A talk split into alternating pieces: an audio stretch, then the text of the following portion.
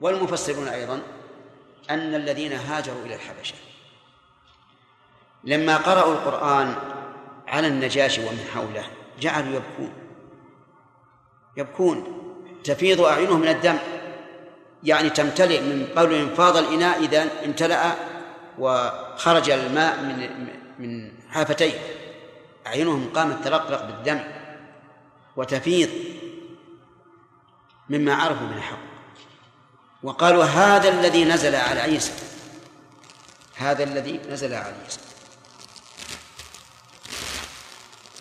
فعرفوا أن هذا هو الحق. كما قال ورقة بن نوفل قال الرسول عليه الصلاة والسلام حين أخبره بما نزل عليه من الحق قال هذا هو الناموس الذي نزل على موسى. فهم عرفوا الحق وبكوا. وفي نعم ليأتي بالفوائد مما عرفوا من الحق يقولون أيضا هذا السبب الثالث نعم.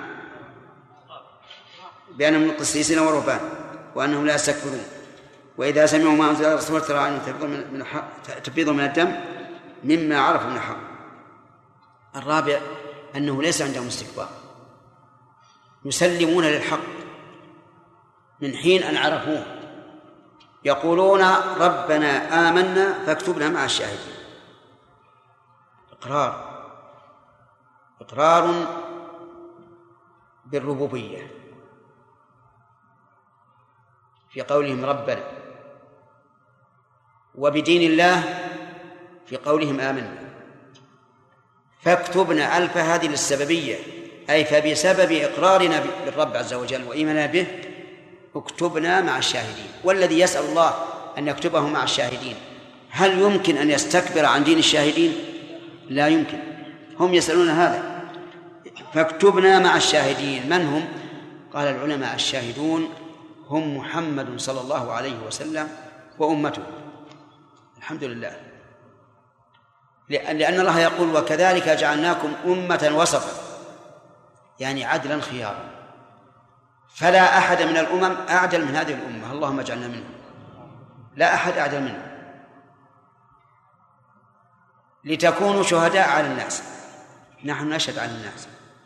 والرسول صلى الله عليه وسلم يشهد علينا أنه بلغنا وأننا أقررنا بتبليغه. إذن مع الشاهدين يعني مع محمد إيش؟ والمؤمنين. وكانوا شهداء لأنهم هم آخر الأمم. كل الأمم ماضية وسابقة يعرفونها. لكن الأمة الأولى تشهد على من بعدها؟ لا ما تشهد. ولذلك لو سئلنا من الأمة الشاهدة لقلنا أمة محمد صلى الله عليه وسلم لأنها آخر الأمم. تعرف ما جرى على الأمم وتشهد به. فاكتبنا مع الشاهدين. ثم قال وما لنا لا نؤمن بالله وما جاءنا من الحق. هذا الحديث وما لنا لا نؤمن بالله وما جاءنا من الحق يحتمل أنه حديث نفس. بمعنى أن الواحد منهم يقول كيف ما أؤمن؟ والحق واضح. ويحتمل أنه دفع للوم وجه إليه.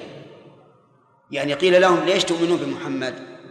فقالوا وما لنا لا نؤمن. هل يمكن أن يكون لهذا وهذا؟ عجيب. يمكن. يمكن أن يكون بعضهم يصارع نفسه ونفسه تقول له تحدثه ليش تؤمن؟ فيقول وما لنا لا نؤمن بالله. عندما يتفكر يفكرون يرون أنه لابد أن يؤمنوا لأن الحق واضح. ويحتمل أنه إذا ألقى إليهم أحد لوما وقال كيف تؤمنون؟ يقولون وما لنا. يعني أي شيء يصدنا أي شيء يمنعنا لا نؤمن بالله وما جاءنا من الحق. وهذا يدل على كمال عقلهم. قال ونطمع أن يدخلنا ربنا مع القوم الصالحين. سبحان الله تعبير المؤمن. نطمع أن يدخلنا ربنا مع القوم الصالحين والقوم الصالحون يشمل من كان صالحا من هذه الأمة ومن كان صالحا من غيرها. في الأول قالوا اكتبنا مع الشاهدين مع هذه الأمة. في الثاني وهو الطمع بدخول الجنة قال نطمع أن يدخلنا ربنا مع القوم الصالحين لأن الجنة دار لهذه الأمة وللصالحين من غيرها. فلذلك قالوا ونطمع أن يدخلنا ربنا مع القوم الصالحين. واضح الفرق بين التعبيرين؟ الأولى سأل الله أن يكتبهم مع الشاهدين. والثانية طمعوا أن يدخل أن يدخلهم الله في الصالحين. أن يدخلنا ربنا مع القوم الصالحين. يعني يدخلنا الجنة لأن الجنة تكون للصالح من هذه الأمة وغيره.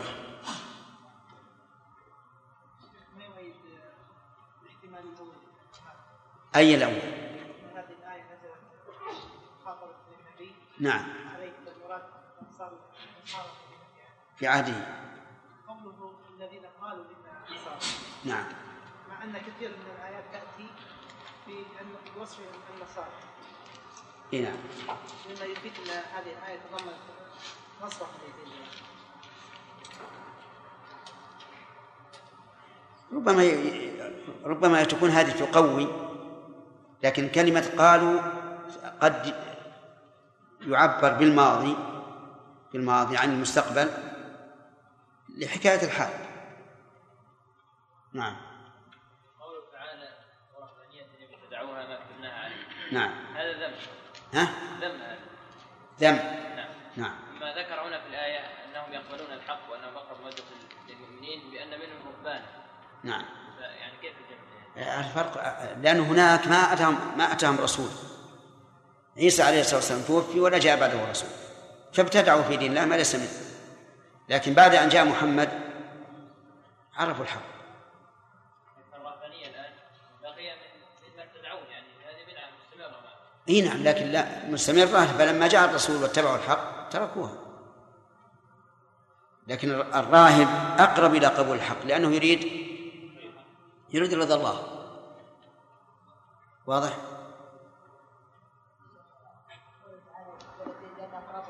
الله يجعل ذلك يتفتح عشان أسمع كلامي أنت دائما ما تسمع يا صالح. ما تسمع. إن شاء الله. اي قل اقربوا موده الذين امنوا اقربوا موده هذه الصفات التي ذكرت في الآية. إيش؟ هذه الصفات التي ذكرت في الآية. تقتضي انهم يكونوا أشد موده لا. ذلك بأنهم قسيسين ورهبان وأنهم إذا سمعوا فالأوصاف هذه لمن آمن منهم. لكن على سبيل العموم على سبيل الجنس هم, هم الذين قالوا إنها صار وأنا ذكرت لكم قبل قليل فرق بين الجنس وبين الفرق. الآن هل نقول كل يهودي أشد الناس عداوة للمؤمنين؟ وكل نصراني أقرب مودة لا هذا باعتبار الجنس. نعم. يلا يا أخي. أي نعم أنت نعم. ذكرنا أن النصارى أقرب الناس مودة الذين آمنوا لخمسة أمور. وذكرنا أربع منها كيف؟ عدها الليلة إن شاء الله والليلة القادمة تأتي به. اسهر عليها الليلة دورها نعم. بارك الله فيكم.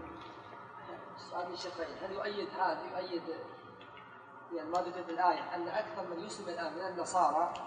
ثم كيف نرد على الذين يقولون بتقليب الأديان ويقول هذه الآية دليل لنا؟ النصارى منا هذه سنة الله تأتي بالفوائد إن شاء الله. السؤال هذا يكون في الفوائد في الفوائد. نعم. إيش؟ حكم من التعبير بنطمع بايش؟ نطمع قوله نطمع إي نعم. إي نعم لأن الإنسان ما يجزم. قال الله عز وجل يدعون ربهم خوفا وطمعا. الإنسان ما يجزم. بل إن بل إن الإنسان إذا جزم لنفسه بأنه من أهل الجنة فهذا غلط عظيم. لكن يرجو ويطمع. لو أنه يعني جزم بأنه من أهل الجنة لكان يلزم من هذا انه زكى نفسه. وشهد له بها بالجنة. وهذا خطير جدا على الإنسان. لأنه معناه انه أنه وثق بأن عمله مقبول وأنه ليس منه خطأ يمنعه من دخول الجنة.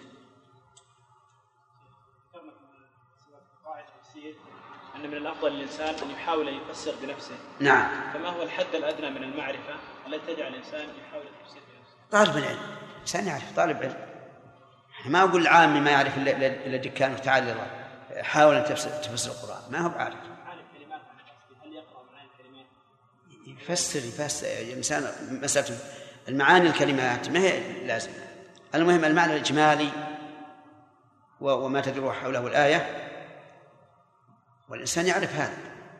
كل طالب علم يمكن يحاول وي- ويعرف. نعم. سامي. عليك المراد بالذين لا يستكبرون. إيش؟ المراد بالذين لا يستكبرون. هل هم عموم النصارى أو المؤسسين والرهبانيين؟ لا عموم النصارى. لكن كما قلت لك المراد الجنس. يعني ليس فيهم استكبار المشركين واليهود.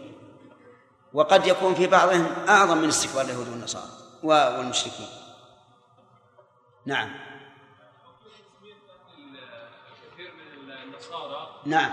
يسمونهم المسلمين أغلب المسلمين يطلقون عليهم مسيحيين إي نعم. يقول هذا مسيحي وهذا. أتدري متى حدث هذا؟ حدث بعد الاستعمار. و و و وإلا تجد كلام العلماء رحمهم الله إلى أن بدأ الاستعمار. وذل المسلمون أمام قوة الاستعمار تجدهم لا يعبرون إلا بالنصارى.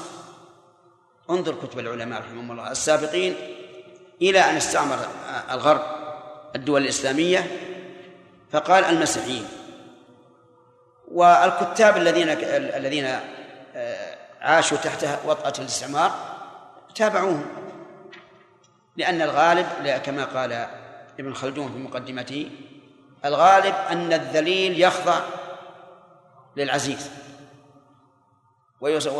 ويتابعه. وإلا فليسوا مسيحيين. والله إذا جاء المسيح إذا نزل في آخر الزمان ماذا يصنع؟ يكسر الصليب ويقتل الخنزير ولا يقبل إلا الإسلام. حتى الجزية لا تقبل في ذلك الوقت. نعم يا آدم. إيش؟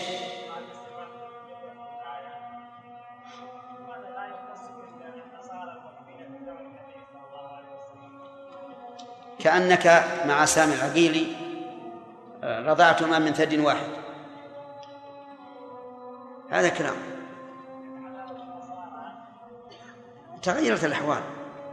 الأحوال تغيرت.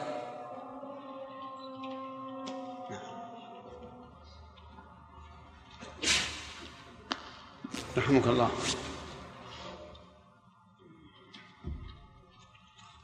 درس جديد ولا؟ فوائد. نعم. قال الله تبارك وتعالى لتجد- لتجدن أشد الناس عداوة للذين آمنوا اليهود. إلى آخره ها؟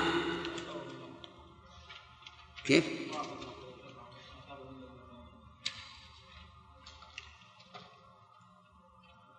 يعني با- باقي شوي. الآية هذه؟ ها؟ أي. قال التفسير في أول ليلة. في أول ليلة فقط. إن شاء الله تعالى. قال الله تبارك وتعالى فأثابهم الله بما قالوا جنات تجري من تحتها النار أثابهم بمعنى أعطاهم ثوابا. والثواب مكافأة العامل في عمله. قال الله تعالى هل ثوب الكفار ما كانوا يفعلون؟ وقول بما قالوا أي بسبب قولهم.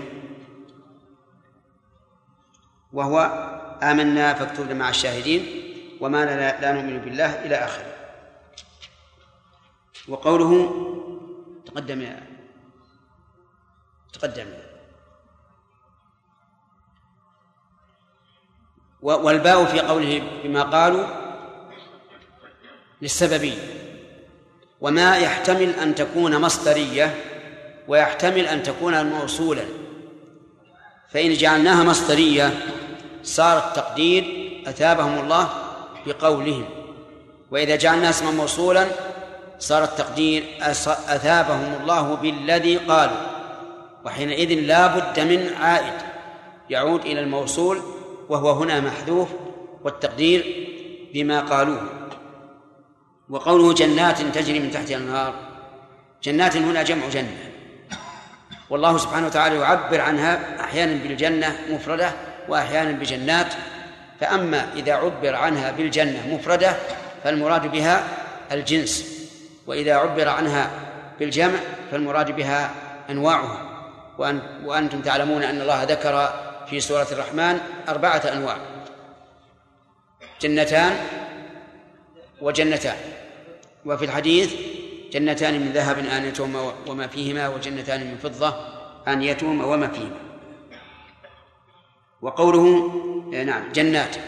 آه، إن أردنا أن نردها إلى المعنى اللغوي قلنا الجنات هي البساتين والكثيرة الأشجار وسميت بذلك لأن أشجارها تجن أرضها أي تسترها لكثرتها وانتشارها.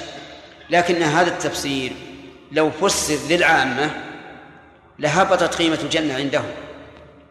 وتصوروا أنها من جنس بساتين الدنيا.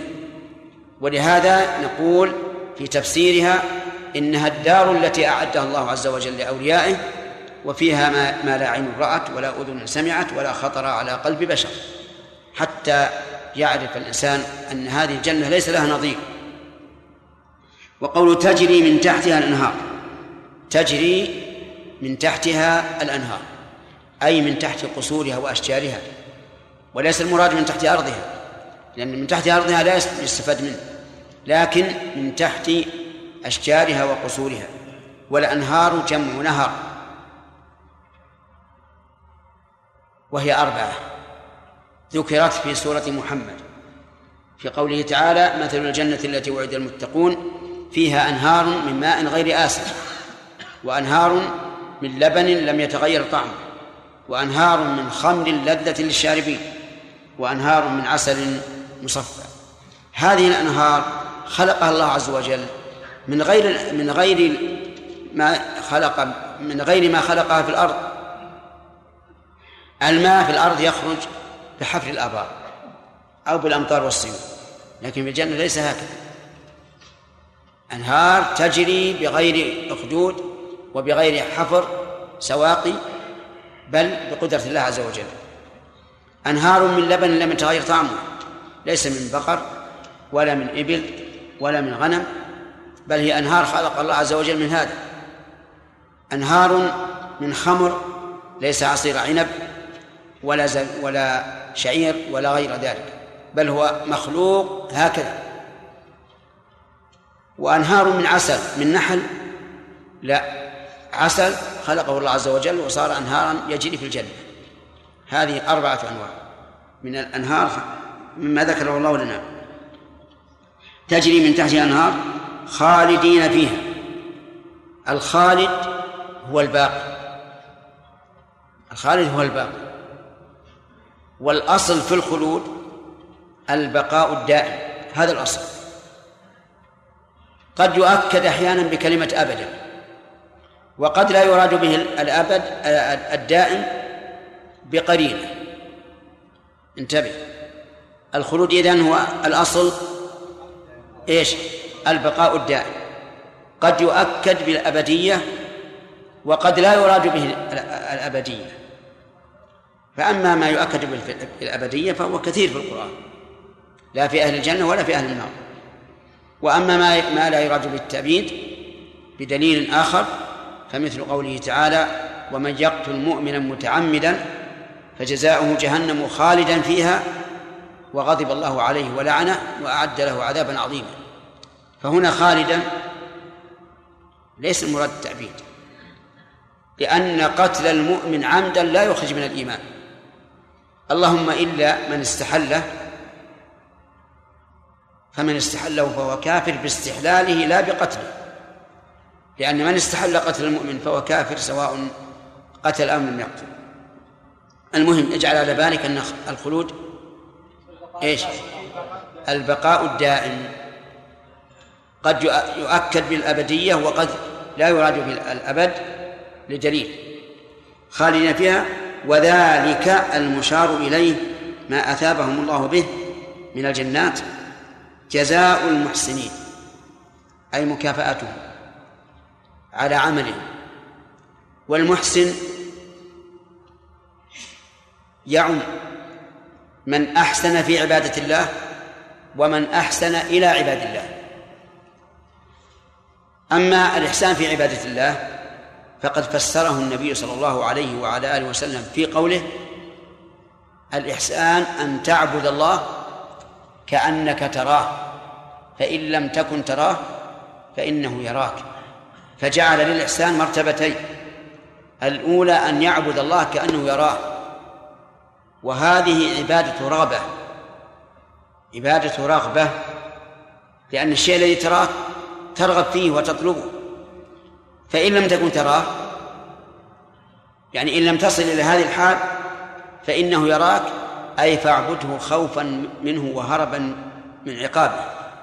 فجعل النبي عليه الصلاة والسلام للإحسان هاتين المرتبتين. أما الإحسان إلى عباد الله فهو بذل المعروف لهم بالمال والبدن والجاه وغير ذلك فهو بذل المعروف. فمن أعطاك درهما فهو إيش؟ محسن. ومن بش في وجهك وأدخل السرور عليك فهو محسن. ومن شفع لك في أمر فهو محسن. إذن الإحسان يكون في عبادة الله ويكون في معاملة عباد الله. ولما ذكر الله سبحانه وتعالى جزاء هؤلاء المحسنين قال والذين كفروا وكذبوا بآياتنا أولئك أصحاب الجحيم. والقرآن الكريم مثاني تثنى فيه المعاني. إذا ذكر الثواب ثواب المحسنين ذكر ثواب المسيئين. وإذا ذكر ثواب المسيئين ذكر ثواب المحسنين. ليبقى الإنسان بين الرغبة وإيش؟ والرهبة. الذين كفروا وكذبوا. كفروا بالأمر وكذبوا بالخبر. كفروا بالأمر فلم يقوموا بطاعة ولم ينتهوا عن معصية وكذبوا بالخبر فلم يصدقوا. فمن أنكر البعث فمن أي القسمين هو؟ مكذب. لكنه كافر. ومكذب كافر. زعم الذين كفروا أن لن يبعثوا. ومن لم يصلي فهو كافر. فإذا قال قائل هل نقول إنه لا بد أن يجتمع الكفر والتكذيب؟ فالجواب لا. إذا وجد الكفر ثبت الجزاء. إذا وجد التكذيب ثبت الجزاء. ولذلك لو قال قائل الصلاة الصلوات الخمس غير مفروضة. ولا أصدق أنها مفروضة ولكن يصلي. لا تفوته الصلاة أبدا. ماذا نقول فيه؟ كافر. كافر لأنه مكذب. فالجمع بينهما ليس بشرط. الجمع بينهما ليس بشرط. بل إذا وجد أحدهما ثبت الحكم. وقوله بآياتنا يشمل الآيات الكونية والآيات الشرعية. فمن ادعى أن مع الله خالقا فهو مكذب بالآيات الكونية. ومن أقر بالخالق لكن لم لم يقبل شريعته فهو مكذب بالآيات الشرعية. وقد يوجد من يكذب بهما جميعا. طيب. ومن كذب ببعض وصدق ببعض. ها؟ فهو كافر. لأن الله يقول أولئك هم الكافرون حقا. وقوله أولئك أصحاب الجحيم. اسم الإشارة هنا للبعد ولا للقرب؟ للبعد. لكن البعد قد يكون بعدا سفولا وقد يكون بعدا علوا. فإذا كان البعد مشارا به إلى عالي المرتبة فهو بعد علوا. مثل قوله تعالى ألف لام ميم ذلك الكتاب. هو بين أيدينا الآن. ما هو بعيد. لكن لعلو مرتبته وشرفه أشار إليه بإشارة البعيد. وقال تعالى والذي جاء بالصدق وصدق به إيش؟ أولئك هم المتقون. فأشار إليهم إشارة الب- البعد لأن لعلو منزلته في هذه الآية أولئك أصحاب الجحيم. أي البعدين أراد؟ السفل البعد سفولا وقول أصحاب الجحيم. اعلم أن الله إذا ذكر أصحاب النار أصحاب الجحيم فهذا في الكفار خلص لأن الصاحب هو الملازم. ولا أحد يلازم الجحيم النار يعني النار إلا إذا كان ممن لا يدخل الجنة. فالذين كفروا وكذبوا بآيات الله أولئك أصحاب الجحيم. يستفاد من هذه الآية الكريمة وكذلك الآية التي قبلها. نعم.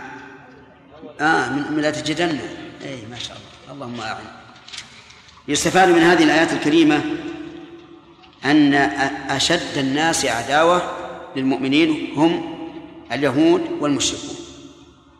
والمراد من؟ المراد الجنس. المراد الجنس. ونعني بذلك أنه قد يوجد من اليهود من لا يكون أشد عداوة وكذلك من المشركين. نجد مثلا أبو نجد أبا طالب مشرك ومع ذلك هل هل كان يود الرسول عليه الصلاة والسلام؟ نعم يود. لكن الجنس أن المشركين واليهود هم أشد الناس عداوة. ومن فوائد هذه هذه الآية الكريمة أن عداوة هؤلاء ظاهرة. ظاهرة. بقوله لتجدن. أشد الناس عداوة. لكن اعلم أن الظهور والبطون أمران نسبيان. بمعنى أن بعض الناس يظهر له ما يخفى على الآخر. وبعض الناس يخفى عليه ما يظهر للآخر. لكن من سبر الأمور وفس ونظر باعتبار تبين له ذلك. ولا قد يقول مثل القائل لا نجد هذا. نقول إذا لم تجد فهذا لبلالتك لأنك بليد. لا تعرف. ومن فوائد هذه الآية الكريمة أن غير المسلمين يختلفون في العداوة للمسلمين من أين نأخذ؟ من أين نأخذ يا أخي؟ أتاك النوم؟ أجل من من أين أن غير المسلمين يختلفون في العداوة للمسلمين من أين نأخذه؟ أن غير المسلمين يختلفون في العداوة للمسلمين. أشد؟ وأشد اسم؟ اسم تفضيل. ها؟ نعم. تدل على أن أن هؤلاء الأعداء يختلفون. طيب وهو كذلك. هذا هو الواقع. لكن بماذا نعرف الأشد؟ نعرفه بالآثار. إذا تظاهروا علينا وتحالفوا ضدنا وما أشبه ذلك عرفنا يا فراس وين أنت؟ عرفنا أنهم أعداء. طيب ومن فوائد الآية الكريمة أن أقرب الناس مودة للذين للمؤمنين هم النصارى. وقد بينا في الشرح التفسير السبب في ذلك. ومن فوائد هذه هذه الآية الكريمة أن كل حكم له سبب. وهذا مضطرب يا إخوان. كل حكم شرعي أو قدري فله سبب. لكن من الأسباب ما يعلم ومن الأسباب ما لا يعلم. لأن الله تعالى لا لم يطلعنا على كل شيء. من أين يؤخذ؟ من قوله ذلك بأن منهم قسيسين إلى آخره ومن فوائد الآية الكريمة حسن تعليم الله عز وجل في كتابه العزيز لأنه إذا ذكر الحكم أحيانا ذكر العلة فهنا ذكر حكما قدريا وهي قرب النصارى من مودة المسلمين هذا حكم قدري. وذكر له علة وذكر الله سبحانه وتعالى أحكاما شرعية كثيرة مقرونة بحكمها مثل قوله تعالى ويسألونك عن المحيض قل هو أذى فاعتزلوا النساء في المحيض. وقوله تعالى قل لا أجد فيما أوحي إلي محرما على طاعم يطعمه إلا أن يكون ميتة أو دما مسفوحا أو لحم خنزير فإنه أي هذا المطعوم. وغلط من قال إنه, إنه عائد على لحم الخنزير. هذا غلط. لأن إذا أعدنا أول آخر الكلام على أوله فأول يقول إلا أن يكون أي ذلك المطعوم. ميتة أو دما مسفوحا أو لحم خنزير فإنه إيش؟ أي المطعوم فإنه أي المطعوم. رجس وليس عائدا على لحم الخنزير.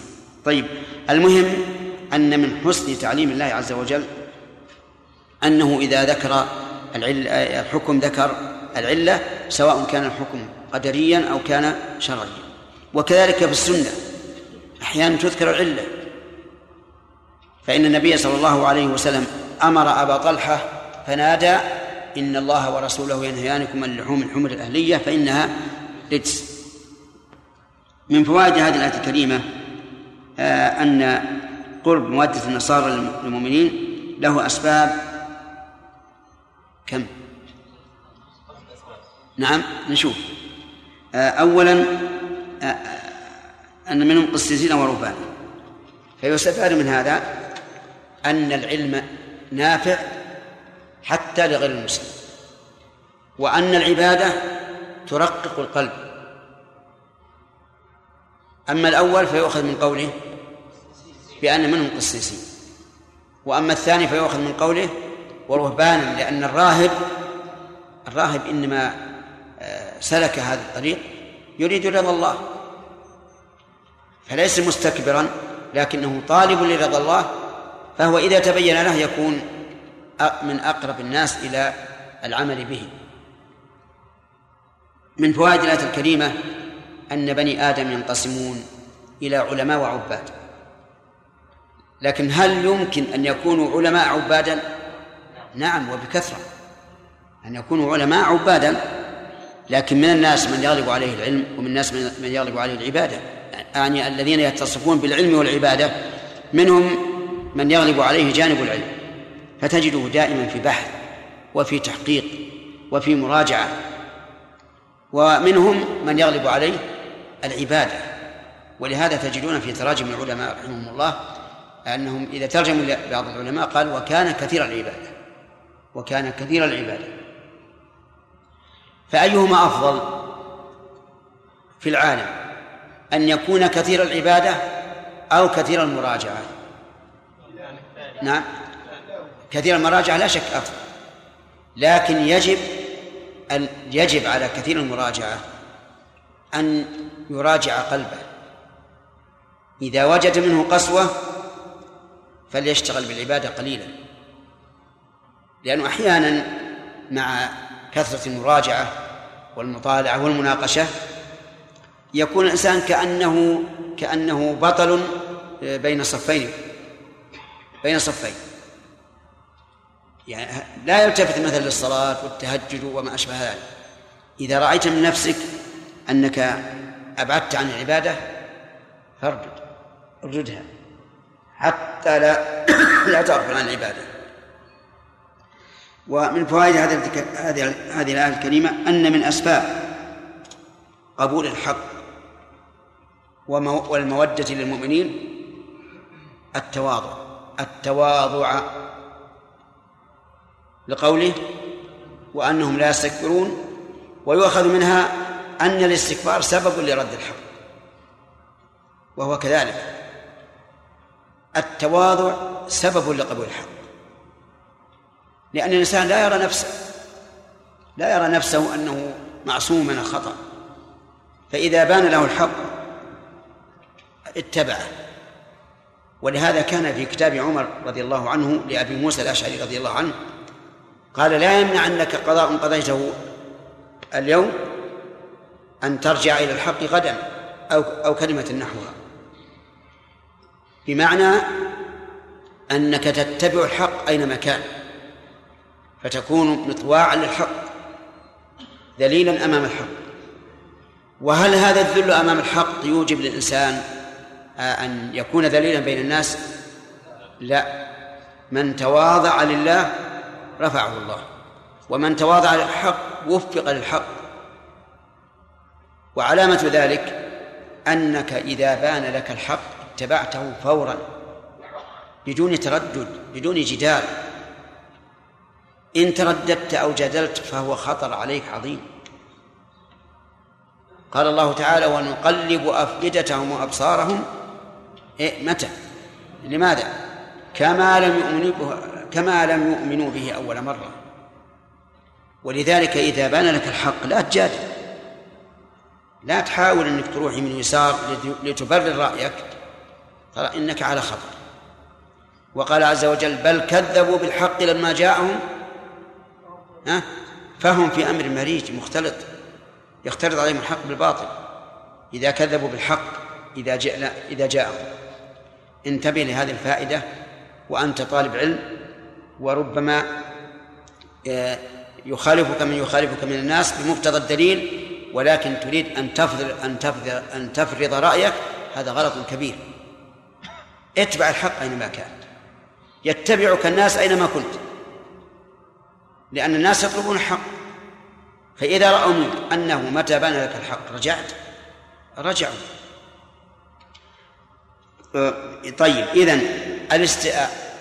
التواضع للحق هو في الحقيقة علو. كما قال تعالى كما قال النبي صلى الله عليه وسلم من تواضع لله رفعه ضد ذلك الاستكبار. الاستكبار والعياذ بالله يوجب أن لا يقبل الحق ولا يتبع الحق. من فوائد الآية الكريمة فضيلة هؤلاء القوم الذين يؤمنون بالرسول عليه الصلاة والسلام أنهم إذا سمعوا ما أنزل إلى الرسول ترى أعينهم تفيض من الدم. ولا شك أن فيضها من الدمع دليل على إيش؟ على الإيمان والتصديق والتأثر. لأن الإنسان كلما آمن كلما آمن فإنه يزداد خشوعا. الآن إذا ذكرت آباءك وإخوانك وأصدقائك الذين ذهبوا وماتوا ربما تبكي أكثر مما لو ذكرت آه، شيئا آخر يؤمن به. لأن هؤلاء أدركتهم إدراكا حسيا.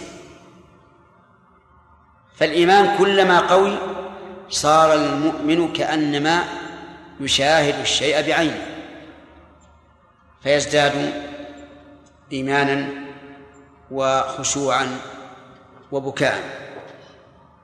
من فوائد هذه الآية الكريمة نأخذ الفوائد المفردات. من فوائد قوله ما أنزل إلى الرسول أن القرآن نزل من عند الله. لأن هذا مبني لما لم يسمى فاعل ما أنزل. لأن فاعله معلوم وهو الله الذي أنزله فيستفاد منه أن القرآن كلام الله وهو كذلك. تكلم به سبحانه وتعالى حقيقة. تكلم به على وجه مسموع. من سمعه؟ سمعه جبريل. وهو أمين قوي نزل به على قلب الرسول صلى الله عليه وسلم. فوعاه وعقله. حتى قال له ربه عز وجل لا تحرك به لسانك لتعجل به. إن علينا جمعه وقرآن ما يتفرق أبدا ومجموع لك. فإذا قرأناه يعني قرأه جبريل فاتبع قرآنه ثم إن علينا بيانه. يعني التزامات عظيمة من الله عز وجل لهذا القرآن مما يدل على عناية الله به سبحانه وتعالى. ثم إن علينا بيانه نبين للناس لفظا ومعنى. ولهذا نقول لا يمكن يوجد في كتاب الله شيء لا يعرف الناس معناه. إن خفي على بعض ظهر علمه آخرون. وفي أيضا في هذه الآية الكريمة من الفوائد التنويه بالرسول عليه الصلاة والسلام بالرسول محمد صلى الله عليه وسلم لقوله الرسول لأن ال هنا للعهد إيش؟ الذهني يعني كأنه رسول معلوم مفهوم لا يخفى على أحد. ومن فوائده إثبات رسالة النبي صلى الله عليه وسلم وهو رسول الله حقا. أرسله الله تعالى رحمة للعالمين. قال الله تعالى وما أرسلناك إلا رحمة إيش؟ إلا رحمة للعالمين. ومن فوائد هذه الآية الكريمة نقول الثنى على من على من بكى لسماع القرآن نعم. نقول الثناء على من بكى لسماع القرآن ولكن اعلم أن البكاء نوعان. بكاء متكلف مصطنع فهذا لا يفيد. لا يفيد. وليس التكحل في العينين كالكحل. وبكاء آخر من من لين القلب. من لين القلب هذا هو المفيد. هذا هو المفيد. نعم لأنه صادر عن إيش؟ صادر عن القلب عن الإيمان. ومن فوائد هذا هذه الآية الكريمة أن تأثر هؤلاء إنما كان بسبب معرفتهم إيش؟ الحق. ولهذا قال مما عرفوا من الحق. والإنسان كلما آمن كلما علم الحق ازداد إيمانه به وازداد تأثره به. طيب من فوائد الآية الكريمة يقولون ربنا آمنا إلى آخره. من فوائد هذه الآية الجملة الثناء على هؤلاء الذين آمنوا بما أنزل على الرسول صلى الله عليه وسلم بأنهم يعلنون الإيمان. يقولون ربنا آمنا. لا يخفون إيمانهم لأنهم مؤمنون. والمؤمن حقا يخفي نعم يعلن إيمانه. لا سيما إذا كانوا قسيسين ورهبانا لأنهم قدوة للناس. ومن فوائد هذه الآية الكريمة اعتراف الأمم بأن هذه الأمة هي الشاهدة على الأمم. لقول فاكتبنا مع الشاهدين. وهم أمة محمد صلى الله عليه وعلى آله وسلم كما قال الله تعالى وكذلك جعلناكم أمة وسطا لتكونوا شهداء على الناس. إيش؟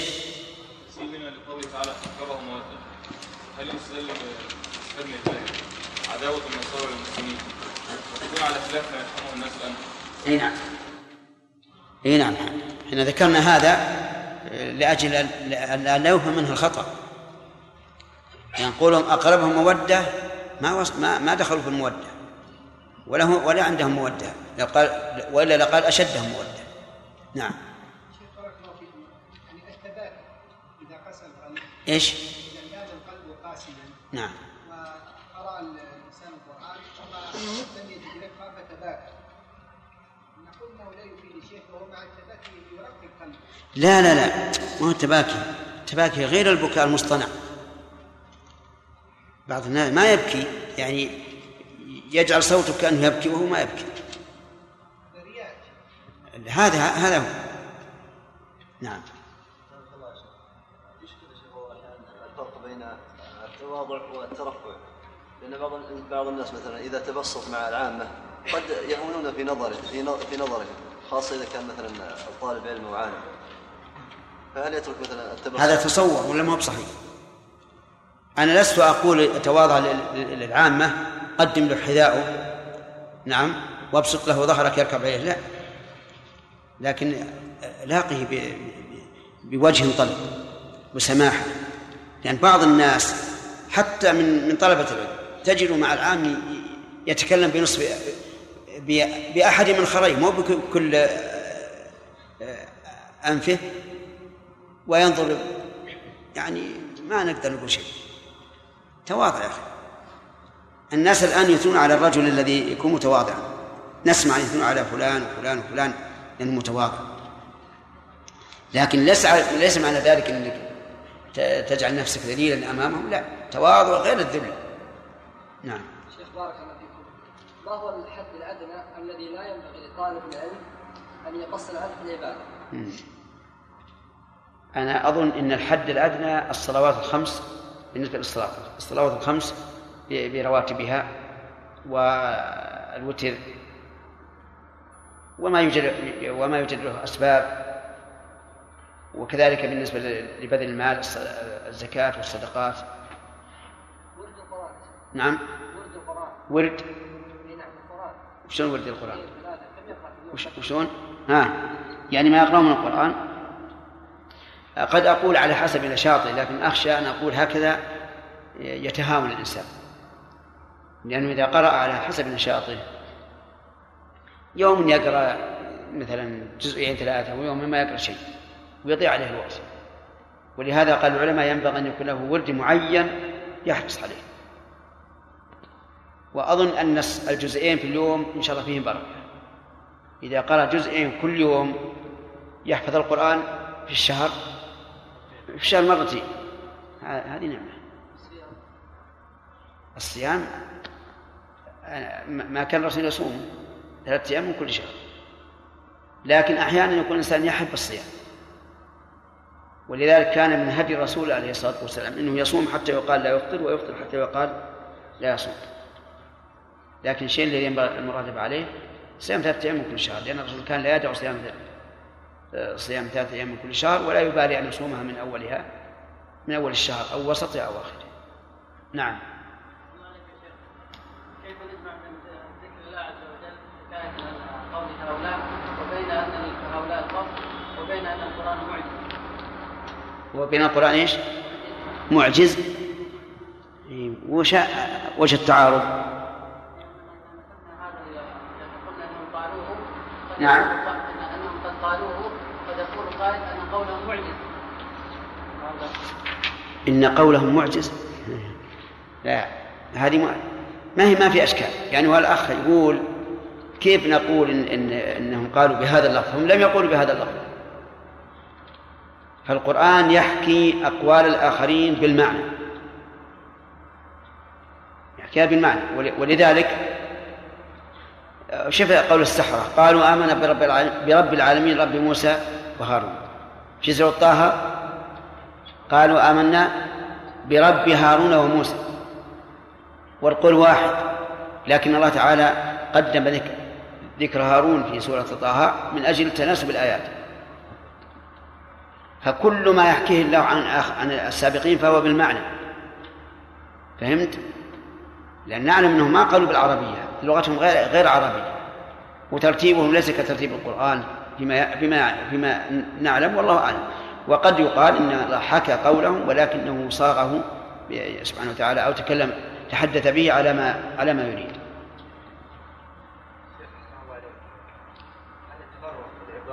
هل هل يتفرغ الإنسان للعبادة وطلب العلم؟ للعبادة وطلب العلم؟ أما إذا كان له ما ما, ما يقيته فالتفرغ لا شك أفضل. إلا إذا كانت الوظيفة تصلح بوجوده لأن بعض الوظائف تحتاج إلى إلى الشخص مثل وظائف القضاء كتاب العدل وأشياء كثيرة. فالإنسان ينظر للمصالح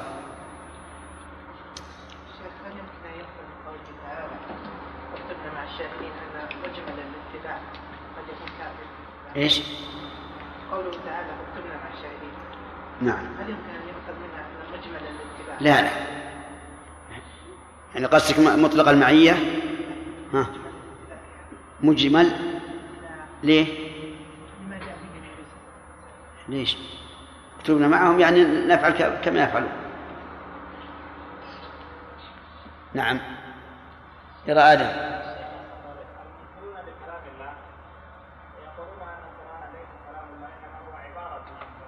إي نعم.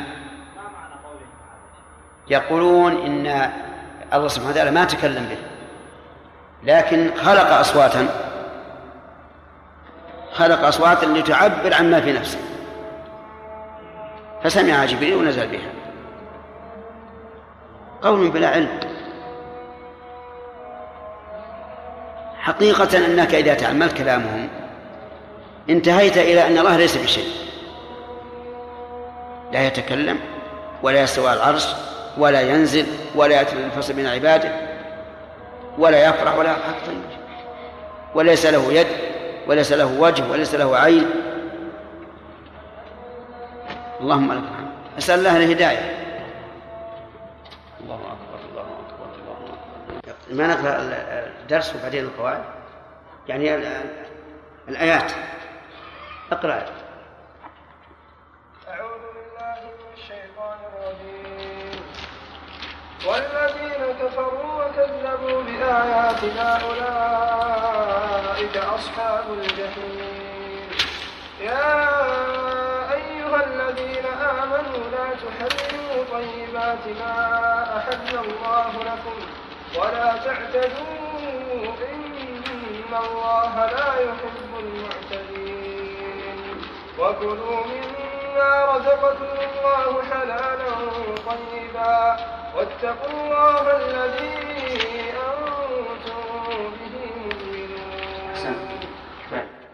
بسم الله الرحمن الرحيم الحمد لله رب العالمين وصلى الله وسلم على نبينا محمد وعلى آله وأصحابه ومن تبعهم بإحسان إلى يوم الدين. أما بعد فإننا كما بدأنا في الدرس الماضي في الأسبوع الماضي آه، قررنا أن نبدأ بقواعد من قواعد التفسير وهذا جيد لكن يحتاج منكم تقييد القاعدة التي تكلمنا عليها. لئلا تتكرر لأنه ليس بين أيدينا كتاب نقرأ منه حتى نأمن التكرار. في الأسبوع الماضي تكلمنا على قواعد في يحيى.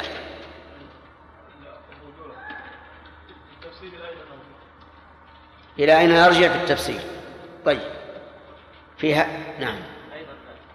القاعدة الأولى تكلمنا أنه آه، التفسير هل هو هل هو فرض عين أو فرض كفاية؟ نعم وذكرنا التفصيل في ذلك. نعم. بأنه ما لا يقوم دين المرء إلا به فهو فرض عين على كل مسلم أن يعلم تفسيره. نعم. وما سوى ذلك فهو فرض كفاية. طيب. هذه القاعدة الأولى. نعم. والقاعدة الثانية هو هي لماذا يكون تفسير القرآن؟ فذكرنا له ثلاثة أقسام. القسم الأول هو آه، تفسير القرآن بالقرآن. وهذا إذا ورد فلا عدول عنه لأن المتكلم بالقرآن هو آه، يعني هو الله عز وجل وهو أعلم بمراده. نعم. آه والمرحلة المرتبة الثانية هي تفسير هو تفسير السنة بالسنة تفسير, تفسير. القرآن بالسنة. طيب. آه لأن الرسول صلى الله عليه وسلم هو أعلم أن هو أعلم الخلق بمراد الله عز وجل. الثالث؟ والثالث هو تفسير القرآن بلغة العرب بأقوال السلف. طيب. لأن أيضا السلف آه، الصحابة خاصة. الصحابة رضوان الله تعالى عليهم طيب. هم أدرى الناس بما قال الله عز وجل. الرابع التفسير بمقتضى اللغة العربية. الرابع التفسير بمقتضى اللغة العربية.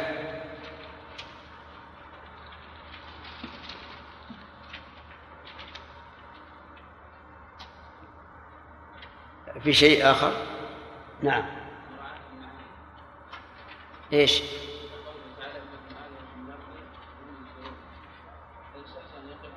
لا هذا الوقف والوصل لا ما ما يدخل في التفسير. كما التفسير ان يفسر الإنسان بنفسه يحاول يستنبط ما يعرفه نعم. هذا أيضا مهم. أن الإنسان يحاول أن يعرف معنى القرآن بنفسه اولا. ثم بعد ذلك يرجع إلى ما قال المفسرون. وليس معنى هذا أن يأخذ بما آه، بما رآه ولكن يكون معنى في نفسه ثم يرجع إلى أقوال المفسرين لئلا يضل. لكن كونه يقرأ أقوال المفسرين فقط قراءة عابرة كأنه صبي يرضع برضاعة هذا لا يستفيد الفائدة المطلوبة. أما الليلة فهو في في النسخ. نتكلم الآن في النسخ. هل يمكن النسخ في القرآن أو لا يمكن؟ يقال الصحيح أنه يمكن. يمكن النسخ وأنه واقع. وهذا هو ما عليه جمهور الأمة. ولا يعنينا أن ينكر ذلك من ينكره؟ فاليهود مثلا قالوا لا يمكن النسخ نسخ الشرائع لأننا لو جوزنا النسخ لجوزنا البداء على الله أي أنه يبدو له تبدو له المصلحة بعد أن كانت خفية عليه. في فيحكم بشيء ثم بعد ذلك يعدل عنه لأنه لم يدري عن عواقب ما حكم به أولا. ومعلوم أنه لا يجوز للإنسان أن يصف ربه عز وجل بالجهل ثم البداء. ولكن الله عز وجل رد عليه. فقال كل الطعام كان حلا لبني إسرائيل إلا ما حرم إسرائيل على نفسه من قبل أن تنزل التوراة. فبين أن النسخ واقع. وهو كذلك. ومن أجل إنكارهم للنسخ أنكروا نبوة عيسى ونبوة محمد صلى الله عليه وسلم وقالوا إن شريعتيهما نسخت شريعة التوراة وهذا لا يجوز. المسلمون مجمعون على جواز النسخ وعلى جواز النسخ عقلا ووقوعه شرعا. إلا أن أبا مسلم الأصفهاني رحمه الله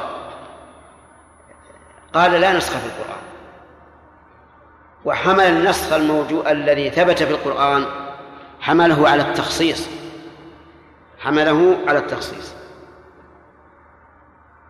مثال ذلك أوجب الله على المسلمين في الجهاد أن الواحد يصابر عشر ثم نسخ ذلك. وقال الآن خفف الله عنه. وهذا واضح.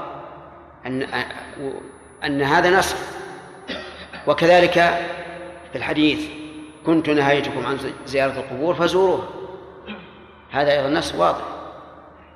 ثبت بنفس القرآن ونفس السنة. ادعى هو رحمه الله أن هذا تخصيص وليس بنسخ ووجه قوله بأن الحكم المنسوخ كان عاما في جميع الأزمان وفي جميع الأحوال. ثم نسخ فخرج بالنسخ الزمن الذي إيش؟ الذي تبقى. وقال هذا تخصيص وبناء على هذا التوجيه يكون الخلاف بينه وبين جمهور الأمة خلافا لفظيا. لا فائدة منه.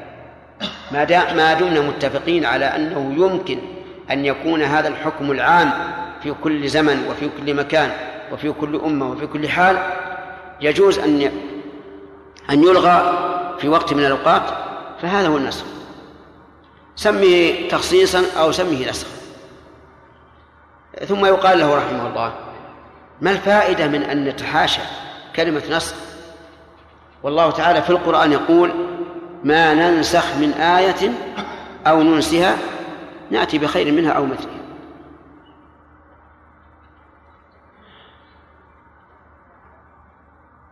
نرجع إلى جواز النسخ عقلا. أما وقوع شرعا فلا فلا شك فيه لكن كيف يجوز عقلا؟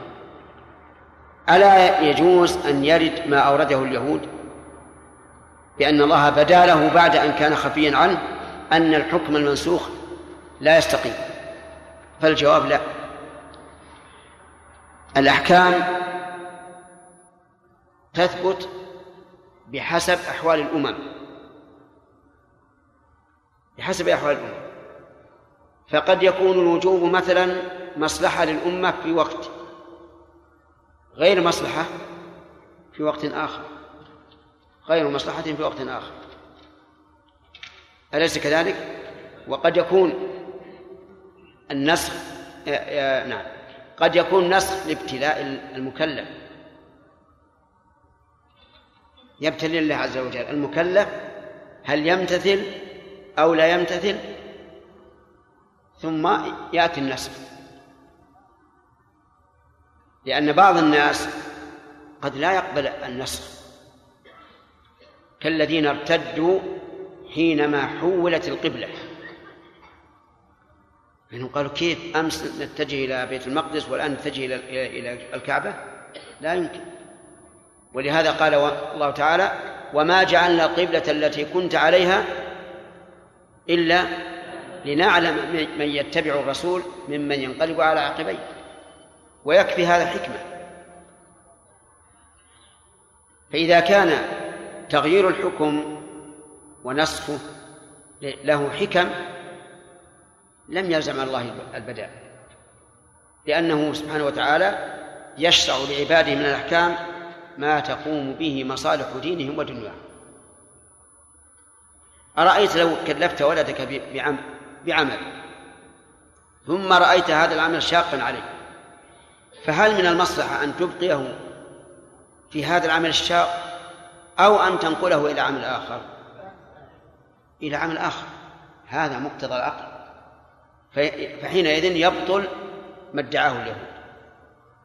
يبطل ما ادعاه اليهود من أنه يلزم منه البداء على الله أي الظهور بعد الخفاء إذا فالنسخ جائز عقلا. وإيش؟ وواقع شرعا. ثم إن النسخ يكون على ثلاثة وجوه. نسخ الحكم مع بقاء اللفظ ونسخ اللفظ مع بقاء الحكم ونسخهما جميعا. ثلاث أقسام. الأول نسخ الحكم مع بقاء اللفظ وهذا كثير مثل قول الله تبارك وتعالى ومن حيث خرجت فولي وجهك شطر المسجد الحرام. هذا نسخ ليش؟ للقبلة الأولى. اللفظ باقي ولا لا؟ باقي. لأن الله قال فول قد نرى تقلب وجهك في السماء فولي وجهك. ومثل قول الله تبارك وتعالى في الصوم فالآن باشرهن وابتغوا ما كتب الله لكم وكلوا واشربوا. حتى يتبين لكم الخيط الأبيض من الخيط الأسود من الفجر ثم أتموا الصيام إلى الليل. إلى قوله علم الله أنكم قبل هذا. علم الله أنكم كنتم تختانون أنفسكم فتاب عليكم وعفى عنكم. ومثل قوله ما في في الآية في في مصابرة العدو أن الله تعالى أوجب أن يصابر المسلمون عشرة أمثال ثم نسخ ذلك. هذا نص إيش؟ لا نسخ إيش؟ الحكم مع بقاء اللفظ نسخ الحكم مع بقاء اللفظ وهنا يرد السؤال ما الفائدة من نسخ الحكم مع بقاء اللفظ؟ لماذا لم ينسخ اللفظ؟ لأن العمل باللفظ انتهى فيقال الفائدة بالنسبة للقرآن أولا زيادة الأجر بالتلاوة وثانيا تذكير العباد بنعمة الله عليهم حيث نقلهم من الأشد إلى الأخف أو بالعكس أو بالمماثل لكن المهم التذكير بالنعمة. القسم الثاني عكس هذه المسألة وهو نفس اللفظ مع بقاء الحكم. مثاله آية الرجم. آية الرجم كانت قرآنا يتلى. يقول عمر رضي الله عنه قرأناه ووعيناه ورجم النبي صلى الله عليه وسلم ورجمنا بعده. فهي كانت موجودة في القرآن. أين أين لفظها؟ غير موجود. ما في ما في القرآن أن الثيب يرجم إذا زنى. فاللفظ غير موجود. ويعني لفظ المنسوخ ولفظ, ولفظ الناسخ الناسخ موجود ولا غير موجود؟ الزانية. والزاني فجلوا كل واحد منهم مئة جلدة والثيب جاء بالسنة. فهنا لا يوجد آية الرجم في القرآن. لفظها غير موجود. فما هي الآية التي نسخت؟ ورد أن لفظها الشيخ والشيخة لا تتم شيء. الشيخ والشيخة إذا زنيا فارجموهما البتة نكالا من الله والله عزيز حكيم. ولكن هذا لا يصح. هذا اللفظ لا يطابق الحكم لأن الحكم منوط بإيش؟ بالثيوبة ما هو بالشيخوخة. وعمر رضي الله عنه يقول وإن الزنا حق وإن الرجم حق ثابت في كتاب الله على من زنى إذا أحصن وكانت البينة أو الاعتراف. أو أو أو الحبل أو الاعتراف. وكان الحبل أو الاعتراف. فقوله إنها إنه حق ثابت في القرآن على من زنى إذا أحصن ما قال إذا شاخ قال إذا أحصن يتبين أن لفظ الآية المنسوخة ليس كما كما روي. ولذلك لو زنى الشيخ وهو بكر لم يرجع. ولو زنى الشاب وهو ثيب يرجع. إذن الآية غير معروفة اللفظ. لكن نعلم أنها لفظ دال على ما ذكره عمر رضي الله عنه فإن قال قائل ما الحكمة من أنه ينسخ اللفظ ويبقى الحكم إيش الحكمة؟ لأن ذكرنا أن بقاء اللفظ فيه فائدة والتلاوة لكن هنا ما الفائدة؟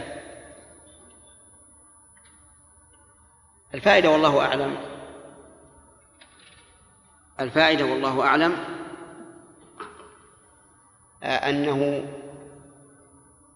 ليتبين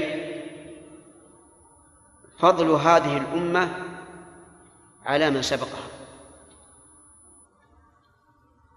فاليهود حاولوا إخفاء آية الرجم مع أنها موجودة في التوراة لكنهم تركوا العمل بها.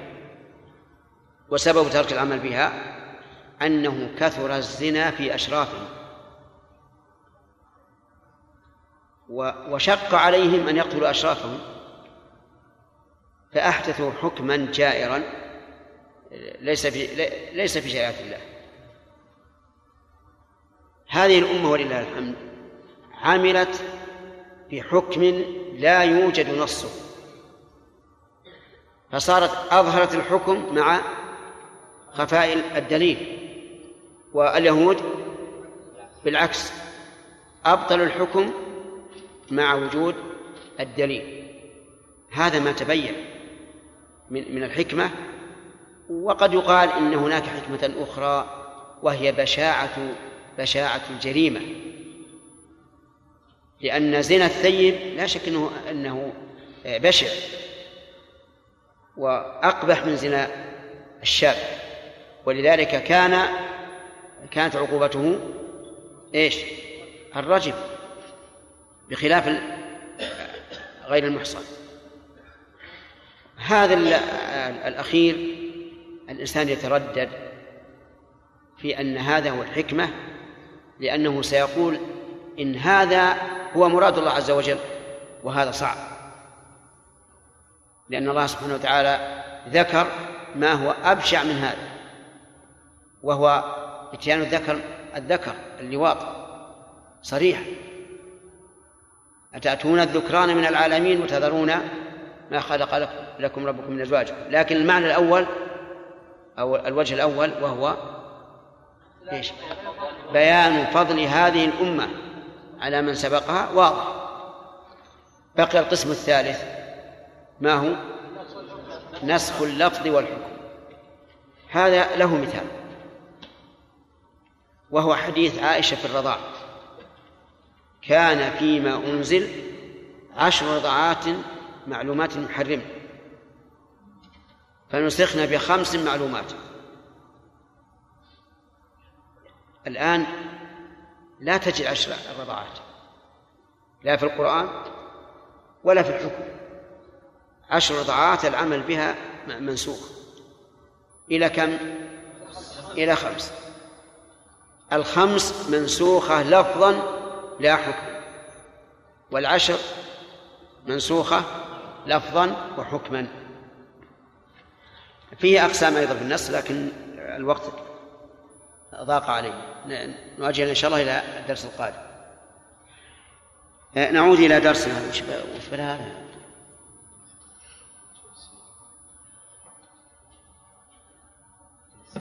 نعم. شي مهندس المسجد؟ يا المهندس خليه يجي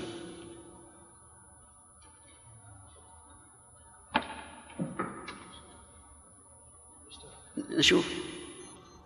أقول ننظر. إما أن يهابك وإما أن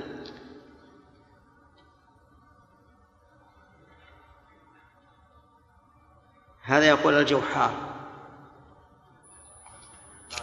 نعم. لا الجو أنا أرى أنه معتدل والبير عندنا. إيه، نبدأ الدرس الآن الحمد لله. يقول الله تبارك وتعالى فأثابهم الله بما قالوا جنات تجري من تحتها الأنهار خالدين فيها وذلك جزاء المحسنين. تقدم الكلام عليه وعلى فوائدها. ما عجيب. قال الله تعالى عن هؤلاء النصارى الذين أسلموا قال وما لنا لا نؤمن بالله إلى آخر. في هذه الآية من الفوائد دفع اللوم عن عن عن الإنسان. يعني الإنسان ينبغي أن يدفع اللوم عن نفسه ولا يبقي عرضه لعباد الله يعملون ما يشاء ما يشاءون فيه. ولهذا أي أصل من السنة. فإن النبي صلى الله عليه وعلى آله وسلم لما قام يقلب إحدى زوجاته وهي صفية رضي الله عنها بعد أن بقيت عنده إشارة الشؤون هذا غدا. الميكروفون. يزيد أحيانا وينقص أحيانا. غدا إن شاء الله. يجري عليه تشييك. طيب. قام يقلبها فمر به رجلان من الأنصار فلما رأيا رسول الله صلى الله عليه وسلم ومعه أهله خجلا خجلا وسار بشر وسار بسرعة فقال لهما على رسلكما إنها صفية بنت حيي فقال سبحان الله سبحان الله. يعني لا يمكن أن أن يقع في قلوبنا شيء. فقال لهما إن الشيطان يجري من ابن آدم مجرى الدم يا عبد الله جلال وإني خشيت أن يقذف في قلوبكما شرا أو قال شيئا. من فوائد هذه الآية الكريمة أيضا على الوجه الثاني في قوله وما لنا لا, لا نؤمن حمل النفس عند الوسواس على الإيمان والعمل الصالح. يعني إذا رأيت من نفسك فتورا فقوها قوي عزيمتها لأن ذكرنا في قوله وما لنا لا نؤمن احتمالين. طيب. من فوائد هذه الآية الكريمة أن ما جاء به الرسول صلى الله عليه وسلم حق بشهادة من سبق من الأمم. بقوله وما جاءنا من الحق. وهل يعتد بشهادة الأمم السابقة؟ الجواب نعم. يعتد لقول الله تعالى فإن كنت في شك مما أنزلنا إليك إيش؟ فاسأل الذين يقرؤون الكتاب من قبلك لقد جاءك الحق من ربك. من فوائد هذه الآية الكريمة أن الإنسان لا ينبغي أن يعجب بعمله فيشهد لنفسه أنه من أهل الجنة. لقولهم ونطمع أن يدخلنا. ولم يجزموا بذلك. ولهذا مهما عملت من عمل صالح مبني على الإيمان لا تزكي نفسك. لا تدري. فلعل هناك سر في القلب. لا تشعر به أعاذنا الله وإياكم من النفاق. وإن الرجل ليعمل بعمل أهل الجنة فيما يبدو للناس وهو من أهل النار. يمكن أن نأخذ من هذا أنه لا يشهد لا يشهد لأحد بالجنة لكونه مؤمنا عاملا صالحا. يمكن. ولهذا من عقيدة أهل السنة والجماعة أن لا نشهد لأحد بالجنة إلا من شهد له الرسول صلى الله عليه وعلى آله وسلم. ومن فوائد هذه الآية الكريمة أن أنه ينبغي اختيار الرفيق الصالح. لقوله ونطمع يدخلنا ربنا مع القوم الصالحين. وهذا أمر دلت عليه السنة دلالة صريحة. فإن النبي صلى الله عليه وسلم قال مثل الجليس الصالح كحامل المسك إما أن يبيعك أو يحذيك أو تجد منه رائحة طيبة. ثم قال تعالى فأثابهم الله إلى آخره. في هذه الآية الكريمة بيان فضل الله عز وجل. حيث أثاب هؤلاء الذين من عليهم بالإيمان بهذا الجزاء العظيم. ومن فوائده من فوائدها إثبات الأسباب لقوله فيما قال جنات. فإن قال قائل كيف نجمع بين هذا هذه الآية الكريمة وأمثالها؟ وقول النبي صلى الله عليه وسلم لن يدخل أحد الجنة بعمله؟ قالوا ولا أنت يا رسول الله؟ قال ولا أنا. إلا أن يتغمدني الله برحمته. فنفى أن يدخل أحد الجنة بعمله مع أن النصوص كثيرة في أن العمل يدخل به الإنسان الجنة. فالجواب أن يقال الباء تكون للسببية أحيانا وتكون للعوض أحيانا. فإذا قلت بعت عليك هذا الثوب بدرهم فالباء للعوض. ولا يمكن أن تكون للسببية. وإذا قلت أكرمتك بما أكرمتني صارت للسببية. فالمنفي هو أن تكون الباء للعوض ليدخل أحد الجنة بعمله. يعني لا يمكن أن يكون العمل كالدرهم بالنسبة للثوب في البيع. لا يمكن هذا. لأن الله سبحانه وتعالى لو أراد أن يحاسبنا على أعمالنا لكانت نعمة واحدة من نعمه إيش؟ تحيط بأعمالنا كلها. بل إن عملنا توفيقنا للعمل الصالح يا إخوانا نعمة. يحتاج تحتاج إلى شكر.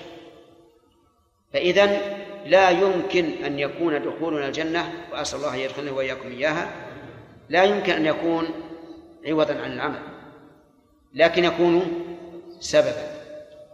يكون سببا. وبهذا الجمع يزول الإشكال. واعلم أنه لا يمكن أن يقع تعارض بين نصوص الكتاب والسنة أبدا. فإما أن لا يكون تعارض وإما أن يكون تعارض بحسب فهم المستدل. أما أن يوجد تعارض بين كلام الله بعضه ببعض أو بين كلام الله وما صح من سنة الرسول أو بين سنة الرسول بعضها مع بعض فهذا مستحيل. ومن فوائد هذه الآية إثبات الجنة وأنها أنواع لقوله جنات. ومن فوائدها أن الجنة ذات أنهار مضطردة تحت هذه القصور والأشجار. ولا يمكن للإنسان أن يتصور ذلك المنظر العظيم البهيج السار أبدا لأن الجنة فوق ما ندرك. كما قال الله عز وجل فلا تعلم نفس ما أخفي لهم من قرة أعين جزاء بما كانوا يعملون. وهذا في القرآن وكما قال تعالى أعددت لعبادي الصالحين ما لا عين رأت ولا أذن سمعت ولا خطر على قلب بشر. وهذا في الحديث القدسي. ومن فوائد هذه الآية أن الأنهار في الجنة أنواع للجمع الأنهار وقد مر علينا تفسير أنواع أنواعها. من فوائدها أن نعيم الجنة دائم. لقوله خالدين فيها وقد قررنا أن الخلود هو ما هو المكث الطويل؟ المكث الدائم إلا بدليل. ومن فوائد الآية الكريمة الحث على الإحسان لقوله وذلك جزاء المحسنين الإحسان في عبادة الله والإحسان إلى عباد الله. ولا تحقرن من المعروف شيئا ولو أن تلقى أخاك بوجه طلق ومن فوائد هذه الآية الكريمة علو هذا الجزاء. كقوله وذلك حيث أشار إليه بإيش؟ بإشارة الباب ثم قال الله عز وجل والذين كفروا وكذبوا بآياتنا أولئك أصحاب الجحيم. أحسب أننا شرحناها. طيب إذا من فوائدها أن الكفر والتكذيب بآيات الله من أسباب دخول النار والخلود فيها. لقوله أولئك أصحاب الجحيم. ومن فوائدها من فوائدها بيان هذا القرآن الكريم وأنه مثاني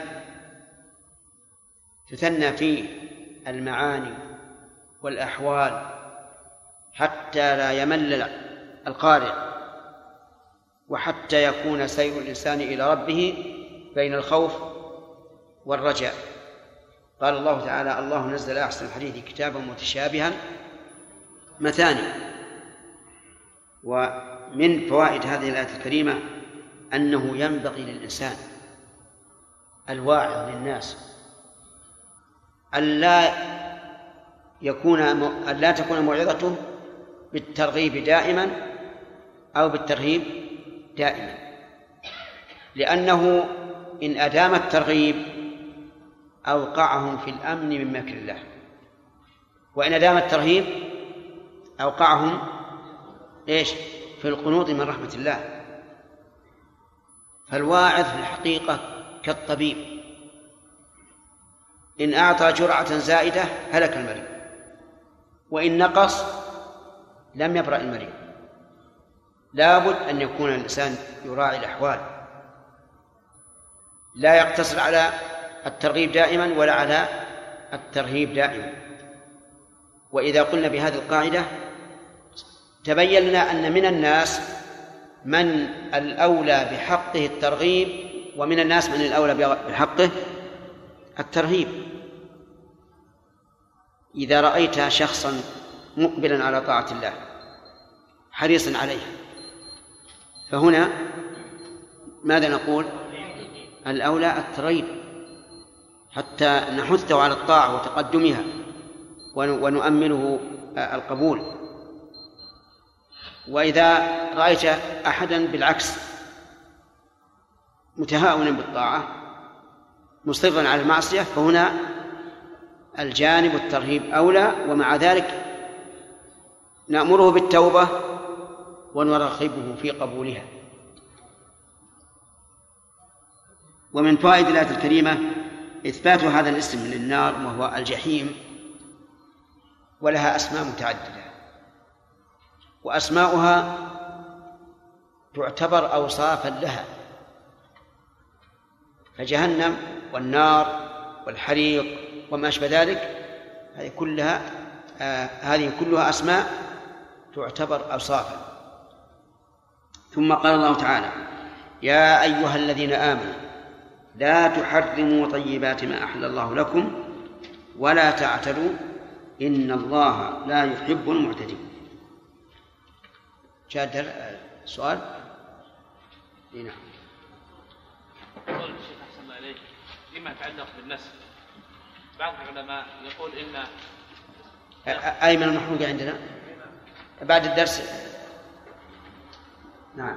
فيما يتعلق بالنسب بعض العلماء يقول إن إن اصطلاح المتقدمين من الصحابة وبعض التابعين للنسب أوسع من اصطلاح المتأخرين. صحيح.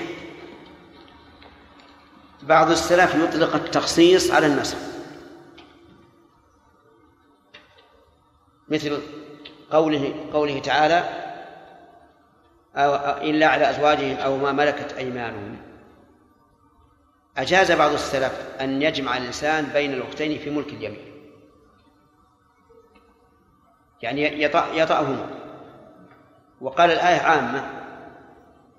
لكن عبر بعض السلف قال هذه الآية نسختها آية وأن تجمعوا بين الأختين.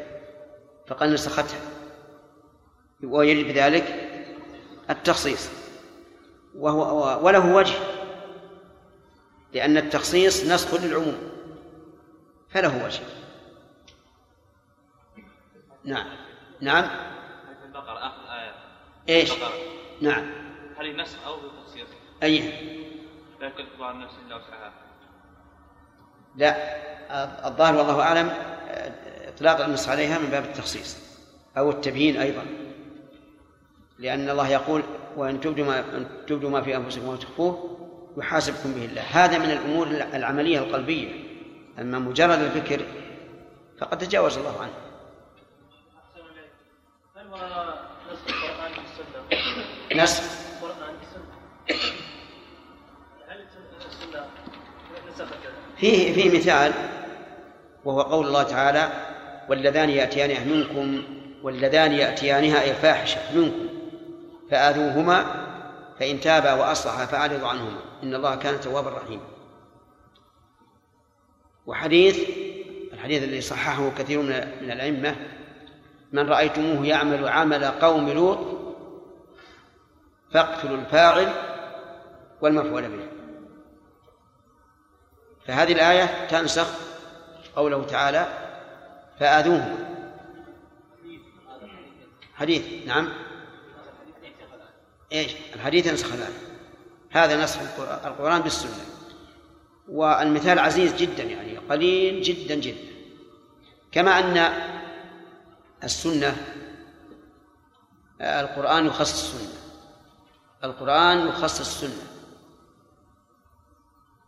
مثل اشتراط النبي عليه الصلاة والسلام في صلح الحديبية أن من جاء من المشركين مسلما فإنه يرد عليه وهذا عام للرجال, والنساء. فقال الله عز وجل إن علمتموهن مؤمنات فلا ترجعوهن إلى الكفار.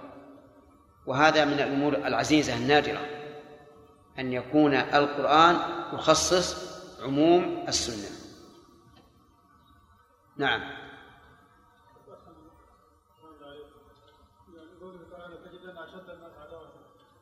أشد هذا إذا جعلناه مفعول أول أظلم من لو جعلناه مفعول ثاني. نعم. أحسن إليك يعني ما فهمت وجه يكون أبلغ إيه تفهم إن شاء الله في وقت آخر لأن تكلمنا عليها كثيرا. نعم. كما لا يخفى أن الخوف والرجاء من العبادات القلبية نعم.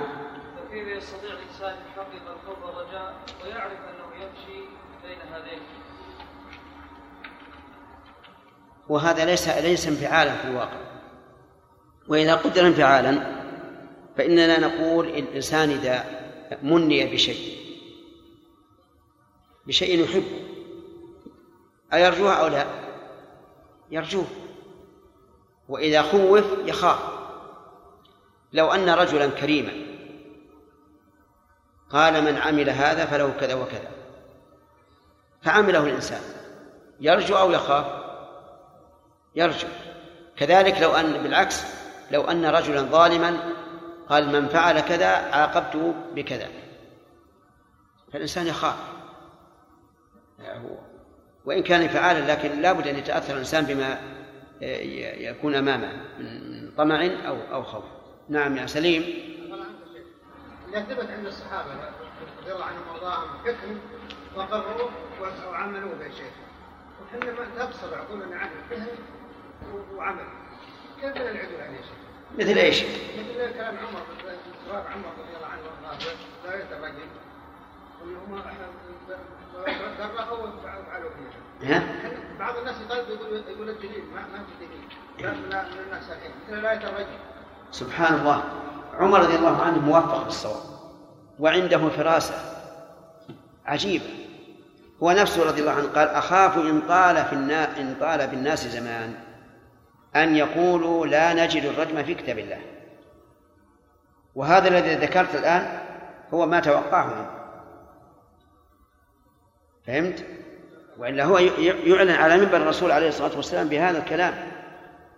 هل يمكن أن يعلن على منبر الرسول ويكون الأمر على خلاف ما قال ويسكت الصحابة؟ نعم. لا يمكن. نعم.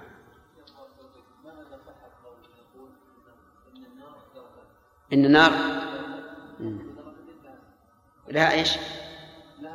إيه إيه يعني معناها يجعل الأسماء هذه بحسب الدركات. ما هو صحيح؟ صحيح أنها اسم واحد للجميع. أنها أسماء لمسمى واحد الصحيح أنها أسماء لمسمى واحد. نعم. أي